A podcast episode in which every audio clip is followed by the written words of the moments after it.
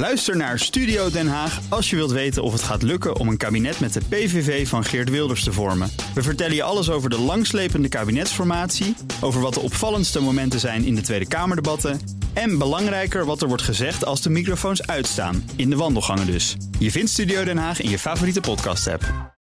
De column van Jaap Jansen. Binnenkort willen de vier fractievoorzitters die een kabinet proberen te vormen gaan praten met ouders die zwaar geraakt zijn door de kindertoeslagaffaire.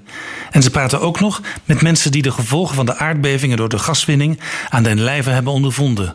Leren uit levensechte voorbeelden, noemde informateur Wouter Koolmees dit. Die belangstelling is natuurlijk de prijzen, maar weten we niet alles al? En zijn de slachtoffers van de kindertoeslagaffaire en het Gronings gas niet beter geholpen als nu eindelijk eens tegemoet gekomen wordt aan hun grieven? Waar het in Nederland aan mankeert, is afgelopen zomer haarfijn in kaart gebracht door informateur Mariette Hamer. Zij liet iedereen die een plan had langskomen. Je zou zeggen, een kort en bondig regeerakkoord, dat had er al kunnen liggen. Sinds vandaag mogen we spreken van de langste kabinetsformatie ooit. Premier Mark Rutte heeft altijd een lijstje bij de hand hoe goed Nederland wereldwijd scoort op essentiële terreinen. Nog steeds doen we het goed, maar schijn bedriegt. Nederland is nummer 6 als het gaat om de kwaliteit van de beroepsbevolking. Maar sinds 2003 dalen de scores van leerlingen bij lezen, rekenen en natuurwetenschappen.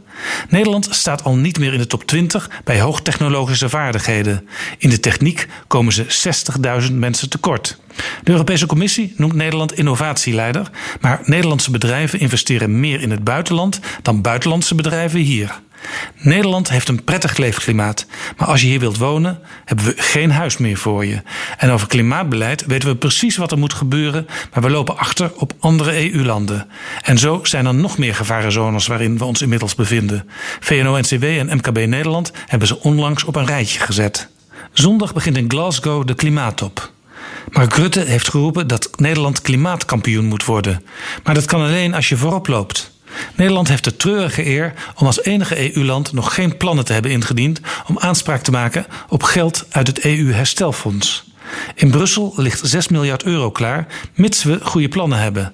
Diederik Samsom verzuchtte onlangs dat in Europa altijd wel ergens verkiezingen zijn of kabinetsformaties, maar dat dit voor die anderen geen belemmering was om tijdig het huiswerk in te leveren. Gelijk heeft hij. Voorafgaand aan de klimaattop komt in Rome de G20 bijeen, de 20 grootste industrielanden. Uit Europa hebben Duitsland, Frankrijk en Italië daar een vaste plek. Ook Spanje wordt tegenwoordig standaard uitgenodigd. Nederland moet altijd afwachten of het ook mag komen. Dan helpt het als je niet alleen zegt dat je kampioen wilt worden, maar het op sommige terreinen ook echt bent. Gelukkig is premier Rutte dit weekend nog welkom. Maar het is de vraag hoe lang ze Nederland nog zien staan. Genoeg praatjes, maar geen plan.